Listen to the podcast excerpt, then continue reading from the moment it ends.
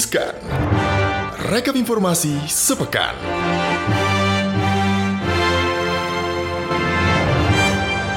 Selamat pagi, selamat siang, selamat sore, selamat malam Sobat Cuan Hai hai Sobat Cuan Aduh, akhirnya ini udah puasa hari ke-11 ya Angel ya Betul Semoga, Semoga lancar puasanya terus. lancar, bener. Betul. Terus juga semoga apa ibadah yang kita jalankan selama bulan suci Ramadan itu semuanya diberkahi, Amin diterima. Betul. Amin Amin ya rabbal alamin. Semoga juga sobat cuan lancar-lancar aja puasanya yang Betul. sedang dengerin ini. Iya Oke, kita kembali lagi tentunya di Rizkan. Rekap informasi sepekan Ada gua Gibran. Ada gue juga Angel yang bakal nemenin Sobat Cuan dengan informasi Mhm. seputar berita ekonomi bisnis Wow. Yang menarik juga gitu Hmm, ya.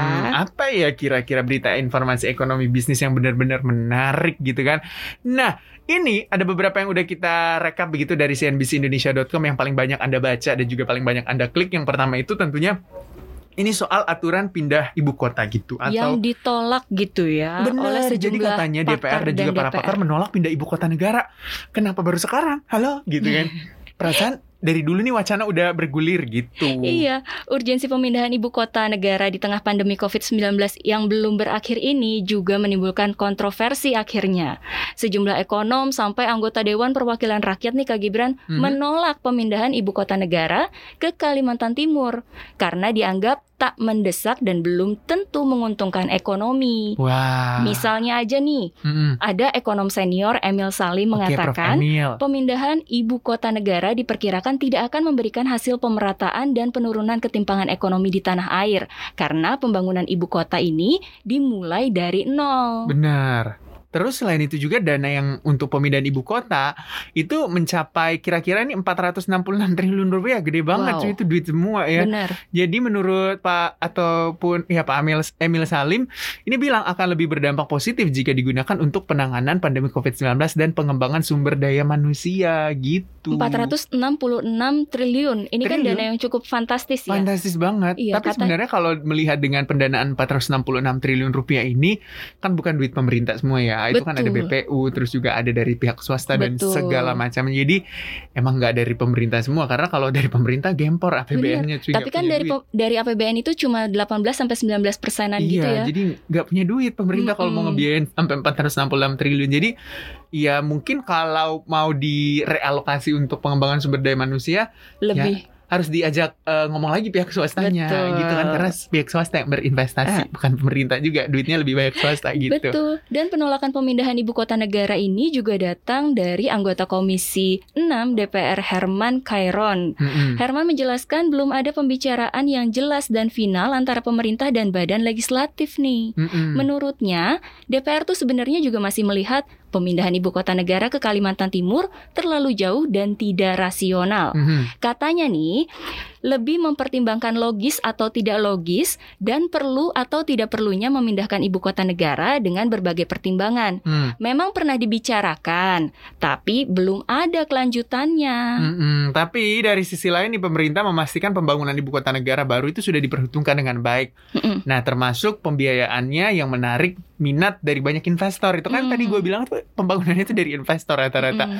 Nah, Kepala Bappenas, Pak Suarso Mono Arfa bilang kalau salah satu cara untuk mempercepat pemulihan ekonomi adalah dengan investasi. Nah, untuk meningkatkan investasi bisa dimulai dengan pembangunan ibu kota baru di Kalimantan Timur. Sebenarnya kan kalau wacana pemindahan ibu kota ini kan udah dari tiga periode presiden sebelumnya tuh ya, Benar. dari masanya Pak eh, Soekarno, Soeharto sampai Pak SBY gitu ya. Mhm. Dan baru di eranya Pak Presiden Joko Widodo ini akhirnya Realisasikan. direalisasikan gitu Ah, ah, ya. tapi kita nggak tahu ya gimana nanti implementasi ke depannya apalagi ah, bisa dikatakan dengan adanya pandemi Covid-19 ini tentunya harus ada realokasi anggaran gitu apalagi swasta-swasta betul. Uh, yang mau melakukan investasi itu agak cenderung wait and see. Karena kan melihat ya kalau gue berinvestasi jor-joran banyak-banyak apalagi di infrastruktur kan bisa dikatakan untuk investasi infrastruktur itu agak uh, kembalinya tuh lama gitu. Iya. Imbal kembalinya tuh lama. Harus gitu. sabar-sabar gitu harus ya. sabar gitu apalagi pen- uh, untuk dana infrastruktur itu sangat gede bener-bener gede tuh lihat Iya. aja pembangunan ibu kota baru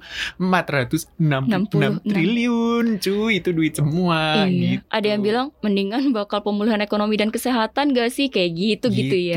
iya tapi kan iya kita tahu pemerintah juga udah punya pos anggaran untuk Betul. pemulihan ekonomi dan juga kesehatan kita lihat nanti ya gimana implementasi apakah DPR akan tetap aja mendukung atau justru menggalang suara untuk menolak pemindahan ibu kota baru karena kita tahu ya koalisi pemerintah di DPR juga cukup besar dan agak Betul. solid gitu Kita Gitu. lihat saja kalau gitu ya. Benar. Nah ini yang kedua ini soal beras. Ini biasa kan jadi polemik nih, Betul. apalagi mau Lebaran atau bulan suci Ramadan.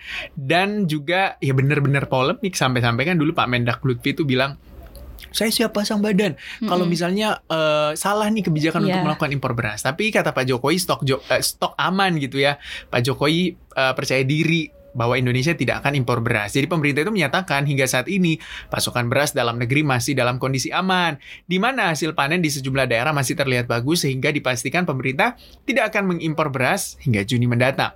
Presiden Joko Widodo menyebutkan sampai saat ini stok gabah dari sejumlah petani juga masih mampu menopang kebutuhan beras dalam negeri.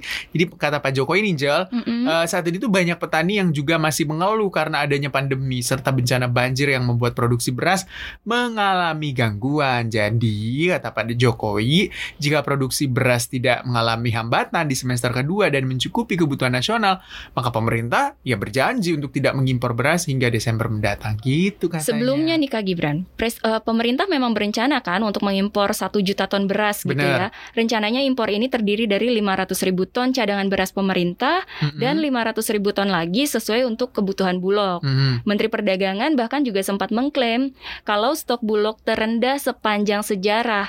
Namun rencana ini menuai penolakan dari berbagai pihak.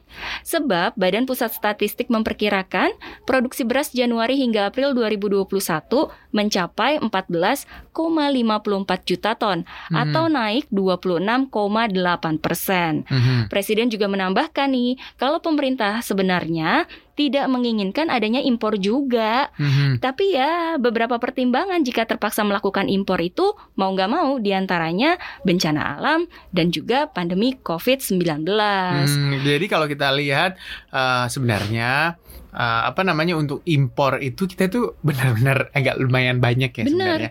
Kita tuh bukan cuma mengimpor beras aja nih para sobat cuan Mm-mm. karena garam, kedelai, gula, Jagung, Jagung, bawang putih, bawang putih, ya banyak bahkan banget ya sebenarnya. Jadi kalau misalnya sobat cuan penasaran nih apa saja sih yang sebenarnya kita impor, tolong di otak atik tuh eh, websitenya Badan Pusat Statistik cari tuh unduh laporan. Eh, ada tuh laporannya di sebelah menu di atas berita resmi stra- statistik BRIS kalau saya nggak salah ya berita resmi statistik ya bener situ. Jadi nggak cuma asal koar-koar gitu. Jadi Mm-mm. lebih teredukasi, lebih pinter istilahnya. Ada isinya. Jadi tahu apa aja sih sebenarnya yang pemerintah impor gitu kan Mm-mm. Eh, apa aja sih yang Indonesia ekspor gitu karena ada berbagai macam jenis ekspor dan impor ada migas non migas terus non migasnya itu banyak lagi Mm. jenisnya nah di situ kita harus jeli-jeli sebagai masyarakat jadi kita tahu nih sebenarnya cocok benar atau salah nih kebijakan Mm-mm. impor yang dilakukan pemerintah Betul. karena kalau kita lihat stok beras misalnya juga ada di BPS stok beras juga ada datanya di Bulog Mm-mm. itu kan ya harapan kita ada komparasi data gitu kan Betul. jadi nggak nggak saling apa ya tumpang hanya dari satu sisi satu nggak pihak gitu nggak ya. nggak ada perbedaan data. Mm-mm. Ingat ya, data itu menjadi bekal utama, modal utama bagi membuat sebuah uh, Kebijakan. kebijakan. Betul. Gitu. Yang juga nih Mhm. lagi heboh Mhm. geger masalah investor kripto yang katanya Wow. menyalip I'm saham. speechless. Iya bener banget ya. Ini gimana sih sebenarnya udah berapa banyak tuh orang yang main di cryptocurrency? Iya, kripto ini kan sebenarnya balik dulu ya. Kripto ini Mhm. kan menjadi salah satu aset yang diminati kalangan investor. Mhm. Bahkan muncul kekhawatiran kan beberapa hari kemarin juga nih ya kan telah terjadi pergeseran investor bursa saham ke aset digital secara masif. Mhm. Bener nggak sih kayak gitu gitu kan? Nah kita lihat nih, Badan Pengawas Perdagangan Berjangka Komoditi mengungkapkan aset kripto memang sebuah alat investasi yang relatif baru gitu ya, dan diperkirakan akan terus meningkat dalam beberapa tahun ke depan. Berdasarkan dari datanya Bapepti sendiri itu, total investor aset kripto per Februari mencapai 4,2 juta orang. Angka tersebut sih masih di bawah dari jumlah investor khusus di pasar saham yang mencapai 4,5 juta pada periode yang sama. Mhm. Kepala Bapepti, Sidarta Utama mengatakan kalau eh, nilai transaksi aset kripto terus mengalami peningkatan di pasar keuangan domestik. Mhm. Bahkan nilai transaksi aset digital tersebut menembus angka 1,5 triliun per hari di bulan pertama tahun ini. Mhm. Namun transaksi harian di pasar modal, khususnya pasar saham, bisa mencapai rata-rata 15 triliun per hari. Jadi hanya sekitar 10 persennya aja gitulah ya apa transaksi harian di pasar kripto gitu ya. Hmm. Tapi kalau kita lihat emang untuk transaksi di bursa domestik atau indeks harga saham gabungan kita itu di beberapa hari terakhir itu agak mini-mini di bawah 10 triliun tahu. Itu berbeda Hmm. kalau dibandingkan dengan awal-awal 2021 dan akhir-akhir 2020 ya awal-awal 2021 lah kalau kita lihat itu Mm-mm. bisa sampai 20 triliun sehari turnover perdagangan gitu. Jadi yang jadi pertanyaan itu where are you ini investor retail yang selama ini meramaikan bursa selama pandemi COVID-19 itu ke mana Anda gitu kan yang memutar-mutar duitnya di situ yang sering nyari cuan tiap hari di eh, indeks harga saham gabungan hilang sisa 8,5 Hilang. triliun ke mana coba. Tapi Coba. ada beberapa pengamat sih atau beberapa analis bilangnya gini investor itu agak cenderung wait and see gitu. Mhm. Jadi melihat karena kan kasus Covid lagi melonjak di India, terus juga gimana sih nanti untuk forecast dan juga untuk outlook pertumbuhan Mm-mm. ekonomi Indonesia, gimana nih penanganan eh, pandemi di Indonesia dan lain-lain gitu. Tapi kalau misalnya kita ngelihat data yang tadi gitu ya, Mhm. eh, ini tuh menunjukkan kan bahwa nilai aset kripto itu masih jauh lebih rendah dibandingkan transaksi saham. Pertama Hmm. itu. Kemudian jumlah investor di aset kripto juga sedikit lebih rendah. Jadi kekhawatiran otoritas bursa terkait maraknya investor retail yang beralih dari investasi di pasar modal ke kripto, kayaknya sih nggak sepenuhnya tepat gitu ya. Karena kan Hmm. sebenarnya kripto ini kan hanyalah eh, alternatif alat investasi aja gitu Benar. kan. Jadi semuanya tergantung sebenarnya pada Anda nih sobat cuan ya. Mm-mm. karena mau mau di mana ya mau di saham ya udah gitu kan mau di kripto juga ya udah itu terserah itu bisa di apa ya disesuaikan dengan i- tipikal atau profil risiko Betul. teman-teman atau sobat cuan dalam berinvestasi ingat Betul. ya high risk high return lihat aja tuh kripto kan bisa tiba-tiba langsung jreng jreng 70% waktu itu anjloknya sempet ya. anjlok naik Mm-mm, anjlok kayak gitulah Anjlok naik. Nah, kalau misalnya di bursa itu kan ada regulasi yang tepat ya, ada Hmm. regulatornya juga ada yang OJK ngatur. gitu-gitu. Terus ya. ada underline-nya juga Mm-mm. gitu. Jadi ya walaupun memang naik turunnya sama aja gitu high risk high return, tapi Mm-mm. setidaknya kalau yang satu udah diatur secara ya ada ada, Ada- regulator Mm-mm. bener-benernya gitu, ada OJK yang bener-bener mengawasi. Betul. Gitu sobat cuan. Nah, selanjutnya ini tuh yang menjadi perhatian juga adalah soal sepak bola. Mm-mm. Karena ini soal Liga Eropa gitu kan. Wah, Kita tahu bahwa Liga Super Eropa itu kabarnya runtuh dan rame-rame klub itu mundur. benar. Gila ya. Liga Super Eropa yang selama ini tuh menjadi tontonan masyarakat seluruh belahan bumi ini tuh katanya runtuh nih. Jadi Liga Baru Eropa European Super League atau ESL ini resmi ditunda setelah sejumlah klub pendiri rame-rame mengundurkan diri. 48 jam setelah ESL ini diumumkan, 6 klub elit Inggris ya ini Manchester City, Liverpool, Manchester United, Arsenal, Chelsea dan juga Tottenham Hotspur ini memastikan keluar dari partisipasi ESL. Bukan cuma itu aja nih, Barcelona, Atletico Madrid, Inter Milan, AC Milan juga diyakini siap mundur. Kemungkinan menyisakan sisa dua klub doang, yaitu Real Madrid sama Juventus. Nah, Yang masih gimana tuh cuy? ya. Langsung aja final kalau doang, gitu kan? Sebelumnya nih, kalau misalnya mereka ngelanjutin nih, Badan eh, Sepak Bola Resmi Eropa UEFA itu menolak pendirian liga tersebut dan mengancam sanksi ke klub dan pemain. Sanksinya ini berupa didenda hingga dikeluarkan dari asosiasi sepak bola. Ngeri nggak kalau mereka tetap nekat gitu ya. Dan bukan hanya itu, tim peserta ini akan dikeluarkan dari setiap kejuaraan di bawah naungan UEFA dan FIFA, serta pemain tidak bisa ikut dalam Piala Dunia membela tim nasional. Tahu nggak sih kenapa uh, akhirnya dapat larangan gitu? Kenapa? Karena kan uh, liga ini kan disebut akan mengancam gitu ya keberadaan Bener. liga yang Masalah udah ada duit, sebelumnya. Iya, ya ini Liga Champion dan Liga Eropa. Keduanya Bener, ini kan yang kita tahu kan kompetisi tertinggi gitu ya, yang udah Mhm. berlangsung selama puluhan tahun di benua tersebut. Tiba-tiba muncul nih, cing Iya. gitu langsung. Tapi sebenarnya kalau dilihat ya ISL itu kan sebelumnya digadang-gadang akan memberikan oase di tengah Mm-mm, krisis benar. keuangan yang melanda klub sepak bola. Benar. Di para peserta ISL ini dijanjikan uang partisipasi yang berkisar antara 200 eh, euro gitu. Ini sekitar 3,49 triliun rupiah Mhm. hingga 300 juta euro atau 5,24 triliun rupiah. Sementara kalau sang juara akan meraih 400 juta euro atau 6,99 triliun rupiah. Gede banget tuh ya Gede ya. sebenarnya ya. 200 juta sampai 300 juta euro itu kalau cuma berpartisipasi 400 Kalau juta menang, euro kalau juara juara. gitu. Jadi Katanya nih, emang apa ya bisa dikatakan eh, ke, kondisi keuangan klub sepak bola itu di seluruh dunia itu nggak sedang baik-baik aja karena kan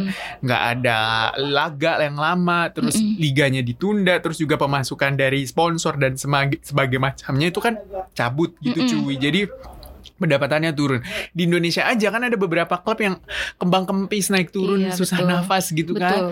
untung udah bergulir lagi nih Piala Menpora, ya Menpora. ini di Indonesia Mm-mm. bener gitu Gitu sobat cuan dan eh, apa namanya katanya nih ya JP Morgan ini ada di Mhm. balik pendanaan dari si Wow. Apakah JP Morgan Liga akan terus mendorong ISL. terjadinya ini gitu? Kita nggak pernah tahu. Kita Kita, lihat aja pernah nanti ya tahu. Sobat Cuan Betul. ke depannya. Oke Sobat Cuan, itu dia yang sejumlah informasi yang udah kita bagikan di hari ini. Semoga bisa menginspirasi Sobat Cuan dan Amin. juga menjadikan asupan informasi bagi Sobat Cuan. Jangan lupa untuk kunjungi www.cnbcindonesia.com tentunya untuk bisa mengupdate informasi terbaru seputar ekonomi dan juga bisnis. Dan juga jangan lupa follow Instagram Cuap Cuan di cuap underscore cuan dan juga subscribe YouTube channelnya Cuap Cuan di Cuap Cuap Cuan Benar gitu ya. Kalau gitu langsung aja kita pamit yuk. Gue Iya. Angel pamit. Gue Gibran pamit. Bye-bye. Happy weekend sobat cuan. Bye.